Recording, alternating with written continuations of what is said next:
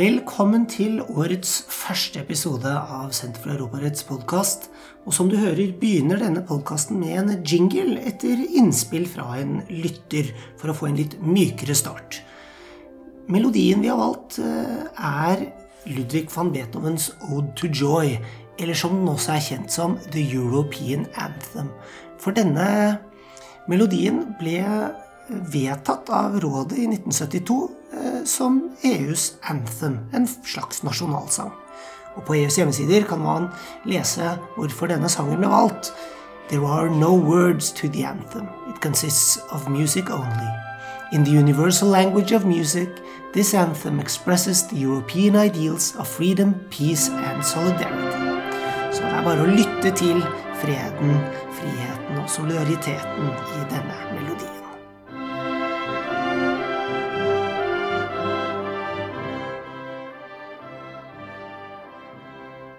Dagens episode er et opptak av Europarettslunsj, hvor professor Inger Berg Ørstavik snakker om patentering av koronavaksiner. En annen nyvinning i denne episoden fra tidligere er en oppsummering av diskusjonen til slutt. På Europarettslunsjene så de er strukturert slik at det er et innlegg. Det begynner gjerne med litt uh, fjaseprat, så er det et innlegg, og så er det kommentarer, spørsmål, diskusjoner. Kommentarene og spørsmål og diskusjoner de gjør vi ikke opptak av og publiserer vi ikke fordi vi vil at folk skal snakke fritt, ta ordet, og ikke la seg hemme av at det skal bli publisert siden. Men det fremgår ofte mye interessant i diskusjonene. Så eh, vi gjør da et forsøk i denne episoden på å oppsummere noen av de synspunktene som kom frem. Så om det funker eller ikke, tar jeg veldig gjerne imot tilbakemeldinger på. Så da setter jeg over til Inger. God fornøyelse. Så stopper jeg opptaket når eh, du er ferdig, Inger. Mm, sånn at folk kan snakke fritt når, eh, når opptaket er, er ferdig. Mm. Topp. Da starter jeg med å snakke bundet, da, til, eh, til det. Ja, jeg tenkte at oppdraget mitt var ganske løst. Og så tenker jeg at det som er morsomt i dette forumet, er kanskje en en eh, liten introduksjon fra et litt rettslig standpunkt til den diskusjonen som mediene for så vidt snuser på, da, om eh, i hvilken grad det har betydning at disse koronavaksinene blir patentert, og hva det betyr for måte, fordelingen av vaksiner mellom forskjellige land i verden. Det er jo det vi diskuterer. Eh, for siden Norge har penger til å betale, så får jo nok vi vaksiner uansett. Ehm, men det er klart at patentene har betydning for prisen. Eh, og Det er det den internasjonale diskusjonen dreier seg om, i hvilken grad man skal gjøre noe med patentene for å sikre at alle land i verden får tilgang til vaksiner. Eh, og det er nok sånn at Alle disse vaksinene som vi snakker om, det er masse forskjellige vaksiner som er kommet litt ulikt i utviklingen. De aller fleste av dem vil nok være dekket av forskjellige patenter. Eh, og så er de såpass forskjellige at de patentene antagelig ikke er til hinder for hverandre. Men jeg tenkte jeg skulle si bitte lite grann i dette forumet hvert fall, om hva som er patentert, altså hva det betyr, og hva man kan få patent på. Eh, for eh, det blir nokså kort og kanskje litt upresist, men det får dere leve med.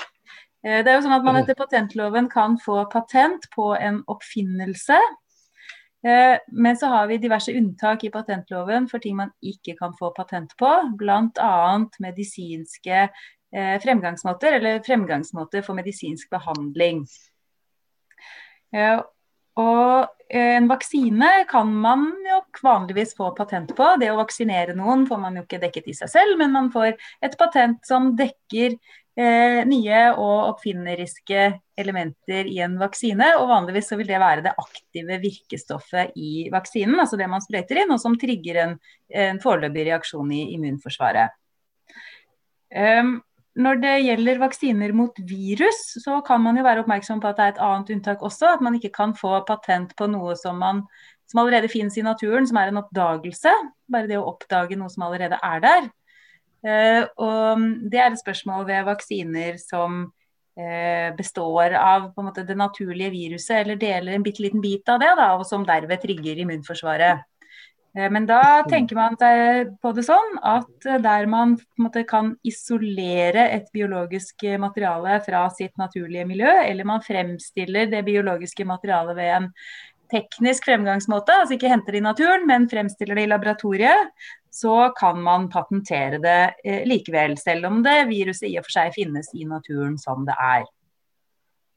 Så det er jo litt forskjellig for disse vaksinene, da. De som på en eh, hva et patent egentlig vil dekke, og hvor nært eh, vaksinen, eh, virkestoffet i vaksinen, hvor nært det er til det naturlige viruset.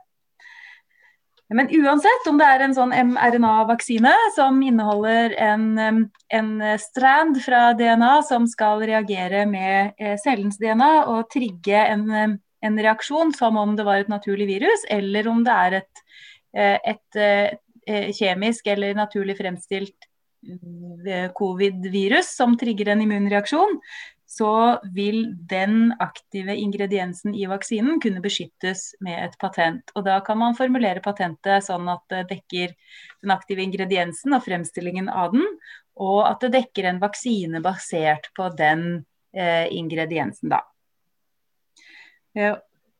Eh, og det er nokså vel etablert, og ikke noe problematisk i rettslig eh, henseende at man kan patentere det. I Europa så følger det av den europeiske patentkonvensjonens og praksis fra den europeiske patentorganisasjonen at man kan patentere det som kalles en isolert mikroorganisme.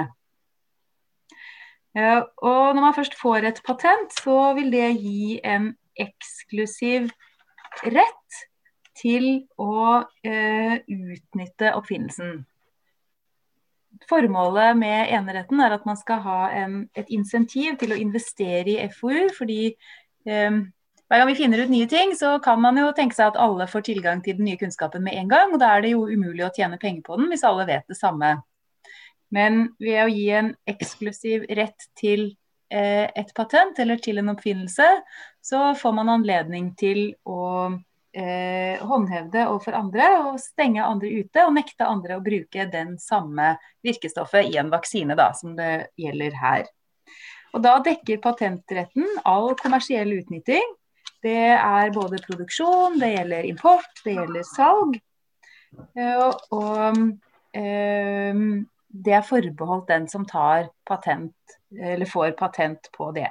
Og Patentretten varer i 20 år, så det kan være en ganske, en ganske viktig enerett. Og for disse vaksinene så vil vi jo håpe at eh, viruset er helt uaktuelt om 20 år, sånn at den eneretten faktisk dekker hele det kommersielle potensialet i vaksinene, da.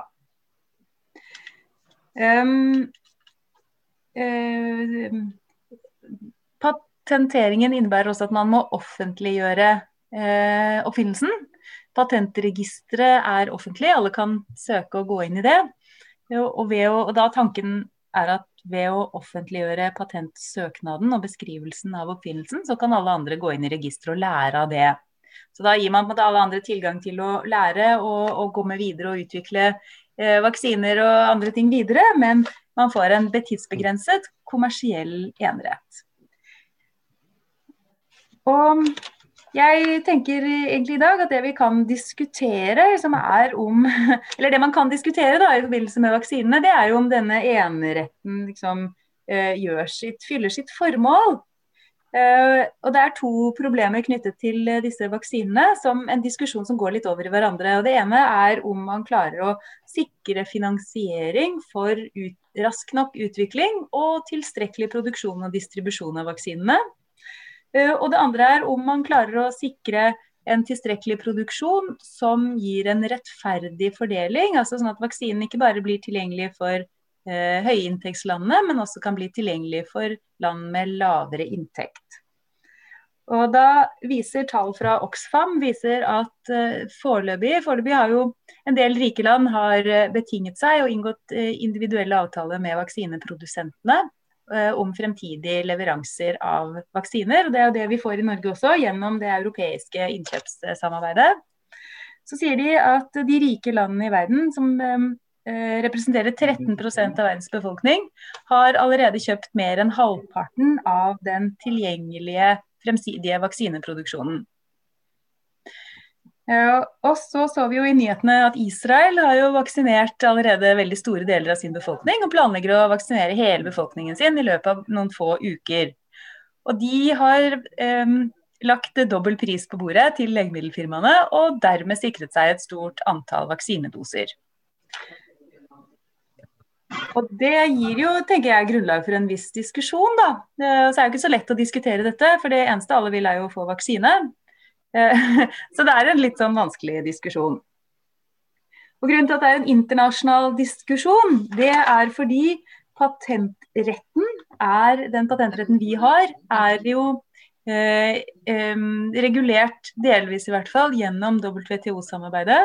Under WTO-paraplyen så har man denne TRIPS-avtalen, Trade Related Aspects of Intellectual Property Rights, som gir eh, enkelte grunnleggende fellesregler, bl.a.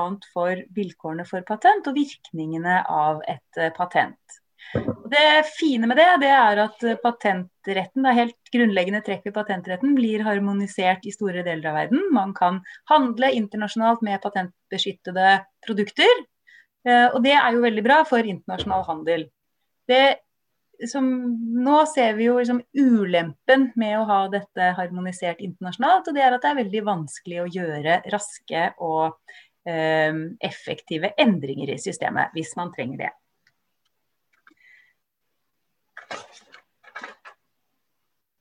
Jeg tenkte å si litt om um, hva man diskuterer under den TRIPS-avtalen. TRIPS-avtalen forplikter medlemslandene til å ha minsteregler for uh, patenter og virkningen av dem. Og så er det to mekanismer under TRIPS-avtalen som nå diskuteres for å endre tilgang, eller gjøre noe med tilgangen til vaksinene. Da. Eh, og Det ene det er muligheten for å gi tvangslisenser. Altså en ikke ufrivillig eh, avtale eh, Unnskyld? En ufrivillig Uh, ufrivillig avtale hvor en annen enn patenthaver får lov av myndighetene til å produsere eller selge uh, et patentert produkt. Og Det andre man diskuterer, det er et initiativ fra Sør-Afrika og India om å gi en waiver, eller en midlertidig suspensjon av bestemmelsene om patenter i TRIPS-avtalen. Begge deler er selvfølgelig superkontroversielt. Uh, og det er sterke økonomiske interesser på begge sider av bordet. Når det gjelder dette, forhold, dette, initiativet med waiver, så var det det som først og fremst ble diskutert i norske medier i, rett før jul. Fordi eh, noen medier har kritisert norske myndigheter for å stemme mot et sånt forslag. Og greia er da at eh, Norge sammen med Sør-Afrika leder et eh, råd som skal sikre rettferdig tilgang til vaksiner, som er initiert av Europakommisjonen og WHO. Det som heter ACT-A, eller ACT Access. Eh, som, eh, som, er et vaksinesamarbeid. Og så I oktober så fremmet Sør-Afrika og India altså dette forslaget til WTO om en suspensjon av de relevante bestemmelsene i TRIPS-avtalen. Um, det de har foreslått er at Reglene om patenter ikke skal gjelde eller ikke skal håndheves i seks måneder eller til pandemien er over. Uh, altså definert sånn at et flertall av verdens befolkning enten er vaksinert eller har utviklet immunitet. Eh, og da tenker man seg et 6-12 måneders perspektiv, da. Prosedyren i WTO for å stemme over eller diskutere det, er at man åpner et, en lomme på tre måneder. Hvor den som fremmer forslaget kan eh, søke konsensus om et sånt forslag. Og En sånn type en måte, opphevelse av reglene i TRIPS-avtalen krever enstemmighet. Det er ikke noen mekanisme i avtalen for å endre den på noen annen måte eh, enn ved enstemmighet. Og så har Norge da blitt kritisert fordi Norge i den første avstemningen i oktober stemte nei til det forslaget, sammen med de fleste andre industrialiserte eller høyinntektslandene, som USA og England eh, og flere. Og Begrunnelsen fra norske myndigheter var at man mener patenter er nødvendig for å sikre insentiver til investering i innovasjon. Og at man heller vil foretrekke en forhandling om frivillig samarbeid med legemiddelprodusentene for å sikre en rettferdig fordeling. Eh, kanskje muligens viser mediene en, en annen måte, holdning også, da. At man, eh, selv om man har stemt nei fra Norges side, at man er positiv til at det initiativet blir tatt. Fordi det åpner for en diskusjon om um, forholdet mellom patenter og fordeling av vaksiner. Og Det som praktisk da vil skje hvis eh, disse bestemmelsene i TRIPS-avtalen blir suspendert, da vil ikke medlemslandene kunne håndheve eh, TRIPS-avtalen overfor hverandre. Så hvis India f.eks. under sine nasjonale regler åpner for produksjon av vaksiner dersom de har tilstrekkelig informasjon om vaksinene til å kunne lage en parallell produksjon, så vil ikke India kunne eh, trekkes inn for tvisteløsningsorganet i WTO for brudd på TRIPS-avtalen. Det er som konsekvensen av denne waiver- eller suspensjonsmekanismen. Det er selvfølgelig superkontroversielt, og jeg tror det er helt, helt urealistisk å komme noen vei med det. Og det tror jeg egentlig Sør-Afrika og India også mener selv. Men de mener at uh, dette vil åpne for en diskusjon da, hvor man kanskje kan komme til noe mindre inngripende, eller komme frem til en eller annen forhandlet løsning, hvis man først har begynt å, å sparke inn den døra. Uh, og det tenker jeg at jeg har stor respekt for, men jeg er usikker på om det kommer til å lykkes.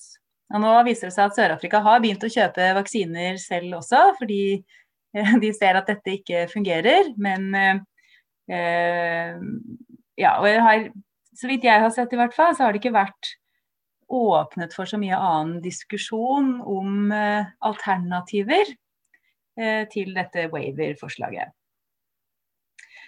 Det andre sporet som man diskuterer, eller som måte, rundt som ikke er til konkret diskusjon på grunnlag av noen konkrete forslag i WTO, men som blir diskutert litt rundt omkring, det er mulighetene i TRIPS-avtalen for å gi en tvangslisens.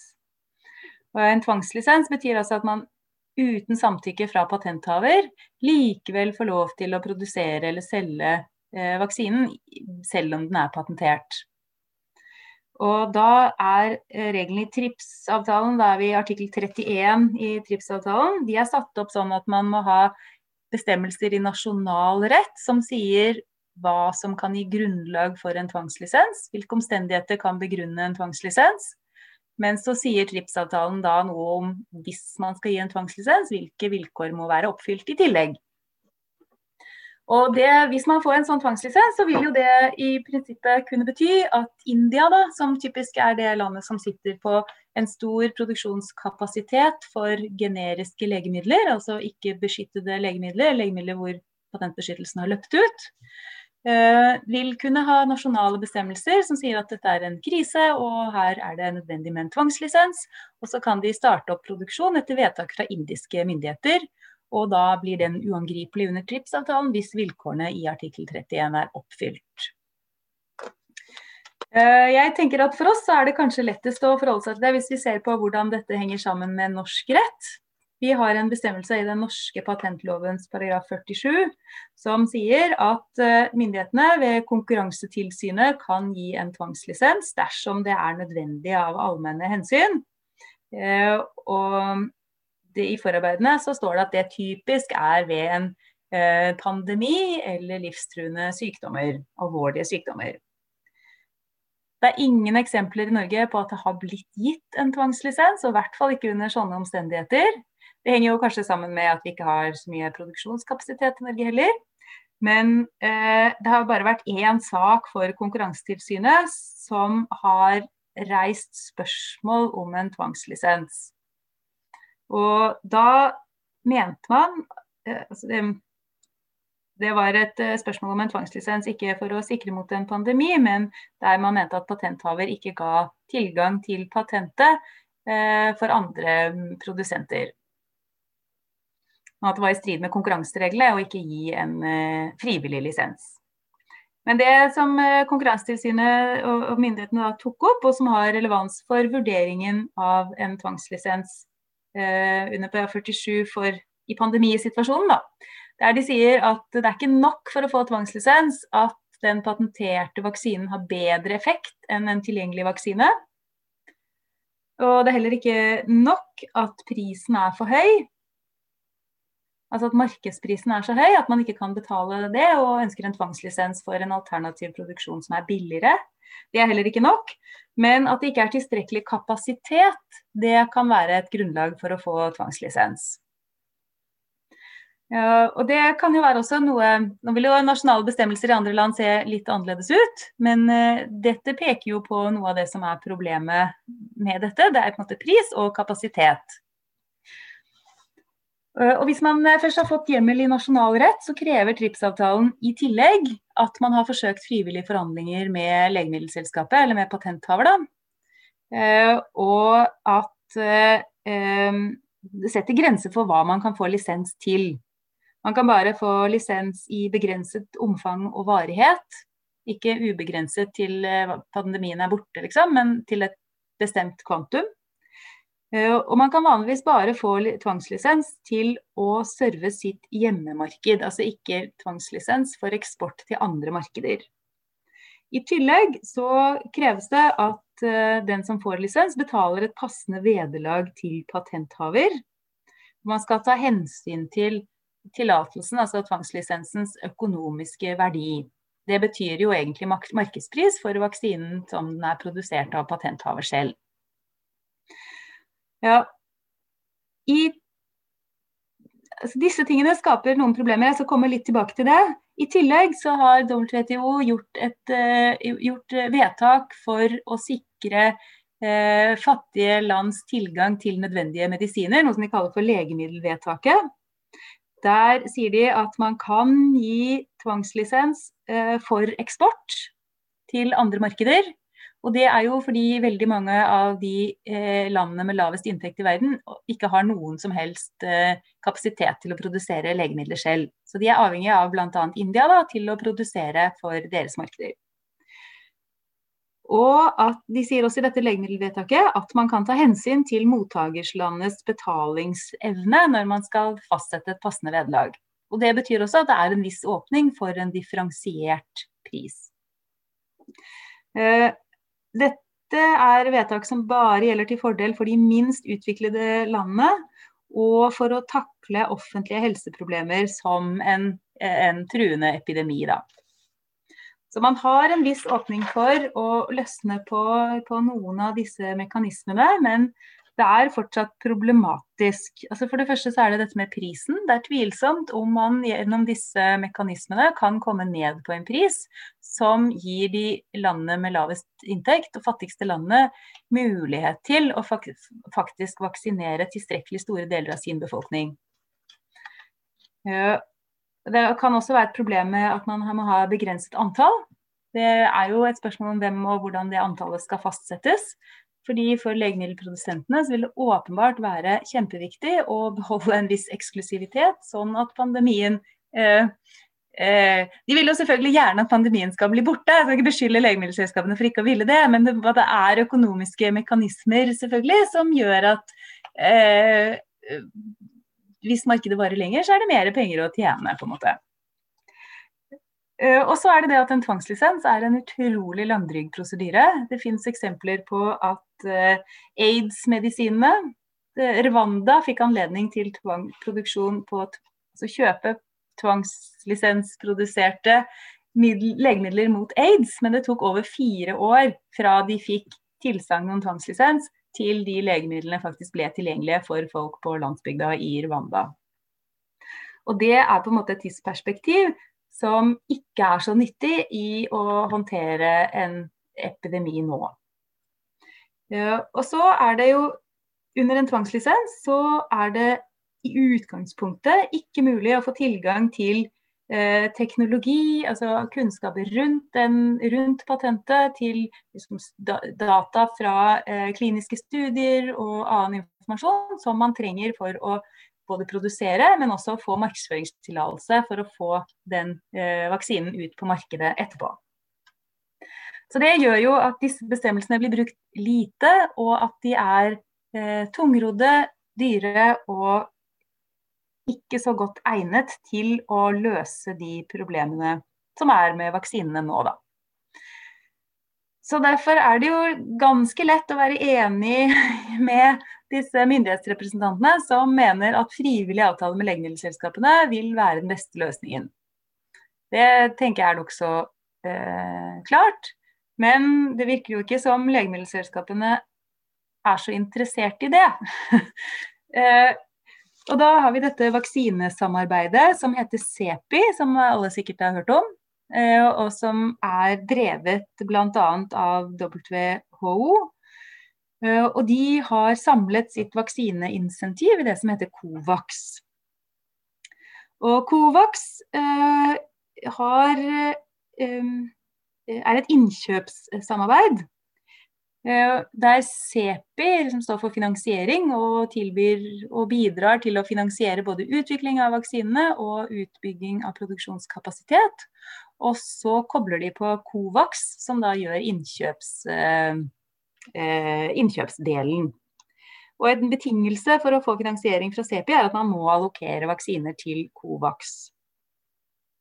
Og Covax sier at de skal sørge for en rettferdig fordeling. Um, og Covax er, jo, eh, er vaksinedelen til dette ACT-A, som jeg nevnte innledningsvis, som Norge leder sammen med Sør-Afrika. Eh, som altså er WHO sin eh, akselerator for covid-19-vaksiner. Det som er interessant i denne sammenhengen her, er at CEPI med sine forskjellige armer da, ikke ikke har villet gå inn i noen diskusjon med legemiddelselskapene om de skal suspendere eller gi unntak fra patentene sine. De sier at de mener at patenter er nødvendig for at uh, man skal investere i innovasjon, så de vil ikke gjøre noen endringer på det. Men de har krevet at legemiddelselskapene skal gi tilgang til Eh, kliniske data og eh, studiedata, og at de skal publisere alle findings under open access. Så de gjør noe for å sikre tilgang, men veldig lite for å løse de hindrene som patentene kan innebære for eh, utvidet produksjonskapasitet. Ehm, det som skjer på dette nå, er vel egentlig Det skjer jo noe. Eh, noen av de store legemiddelfirmaene har sagt at de vil gi konsesjoner med hensyn til Eller gi, liksom, eh, gi noe da med hensyn til sine patenter. Noen Moderna f.eks. tror jeg har etter press fra eh, mm, Bill og Melinda Gates-stiftelsen, så har de sagt at de ikke vil håndheve patentene sine i en periode. Men det er ingen som har gitt noe konsesjoner som varer utover seks måneder, og som, som opphører 1.7.2021. Uh, og så er det noen uh, under, særlig tilknyttet CEPI og Covax, som vil forplikte seg til å selge vaksinene sine til kostpris. Men det er jo ingen som vet hva kostpris egentlig betyr. Om det betyr eh, marginal produksjonskostnad, altså det det koster å produsere én vaksine på fabrikken i dag, eller om det også inkluderer utviklingskostnader eller andre typer kostnader. Sånn som de avtalene eh, som jeg, jeg har ikke sett avtalene, men jeg har sett Sepis CEPIs eh, Etter trykk da, så har de publisert en sånn kortversjon av avtalene sine i desember. Eh, og ut fra de kortversjonene så kan man vel kanskje tenke at uh, utviklingskostnadene er inkludert i kostpris, fordi de har avtaler som gir funding, men som, hvor fundingen er uh, Eh, skal betales tilbake gjennom salg. Og da må man jo nødvendigvis inkludere utviklingskostnader i kostprisen. Um, men dette er jo nå litt uh, uklart, og jeg tenker at det er um, god grunn til å diskutere dette for fremtiden.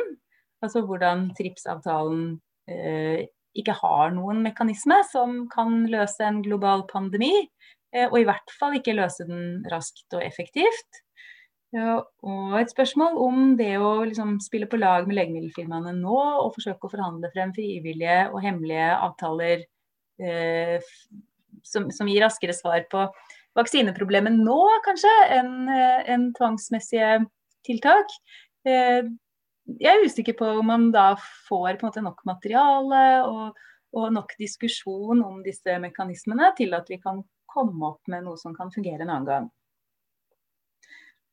Så jeg må avslutte med et litt sånn eh, hjertesukk. da, At dette er ikke løst. Det er, ikke, det er et problem som pågår, og som antagelig ikke kommer til å bli løst i denne pandemien.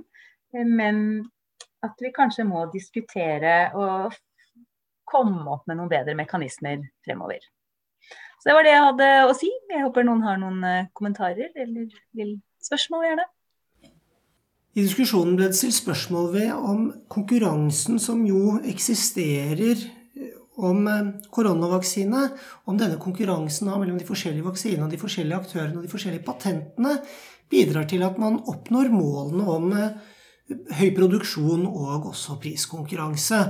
Til det så ble det bl.a. innvendt at etterspørselen er så stor at det neppe blir særlig sterk priskonkurranse. Det ble i den sammenheng også eh, nevnt at eh, flere og flere land har gjennomført direkte forhandlinger med produsenter om kjøp av vaksiner, i stedet for å gå via de fellesordningene, bl.a. Covax, noe som eh, man kan anta da at er til fordel for legemiddelselskapene, som kanskje vis-à-vis -vis et enkeltland har en sterkere forhandlingsposisjon enn mot en stor innkjøper som Covax ville vært, eller for så vidt i EU som EU er, som en forhandler på vegne av mange land. Et annet tema som ble diskutert, var betydningen av at mange av disse vaksinene er eh, delvis et resultat av offentlig finansiering. Og hvilken betydning skal det ha at det er gitt offentlige midler for å finansiere FoU-en, altså forskning og utviklingen av vaksinene, for de selskapenes eh, patentrettigheter, og hvordan selskapene skal håndheve disse patentrettighetene. Og da ble det nevnt i diskusjonen at der har forskjellige aktører som har finansiert utvikling av vaksiner, inntatt forskjellige posisjoner. Det ble f.eks. Eh, sagt at eh, Belin, Belinda Bill Gates og Melinda Bill og Melinda Gates er det vel de heter.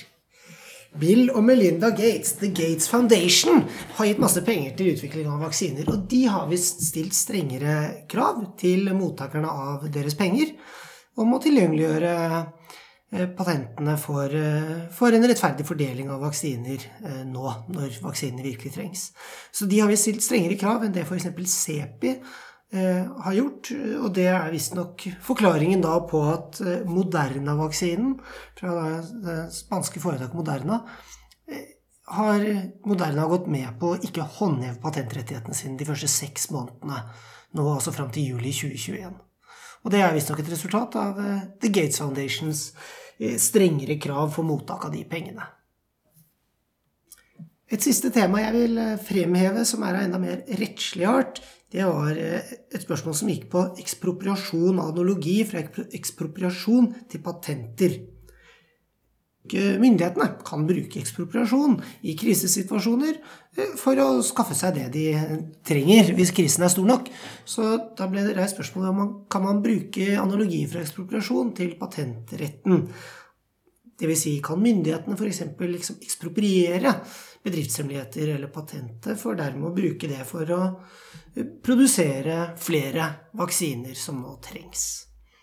Det virker som at det var flere som eh, var enige om at eh, det ikke er noen grunn til å trekke analogier, fordi at det i patentretten, immaterialretten, er allerede eh, rettslige virkemidler for nettopp dette her, og det er tvangslisens, eller da waiver of rights, som Inger snakket om i foredraget sitt. Så kan man diskutere om det er gode nok virkemidler, men det er nå de rettslige virkemidlene som er der, og som man på en måte må benytte seg av, og at det neppe er rom for en egen på en måte, ulovfestet ekspropriasjonsrettslig lære ved siden av da de rent patentrettslige virkemidlene.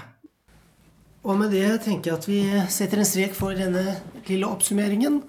Så håper jeg at det har vært nyttig, og at vi ses igjen ved neste podkast. Adjø.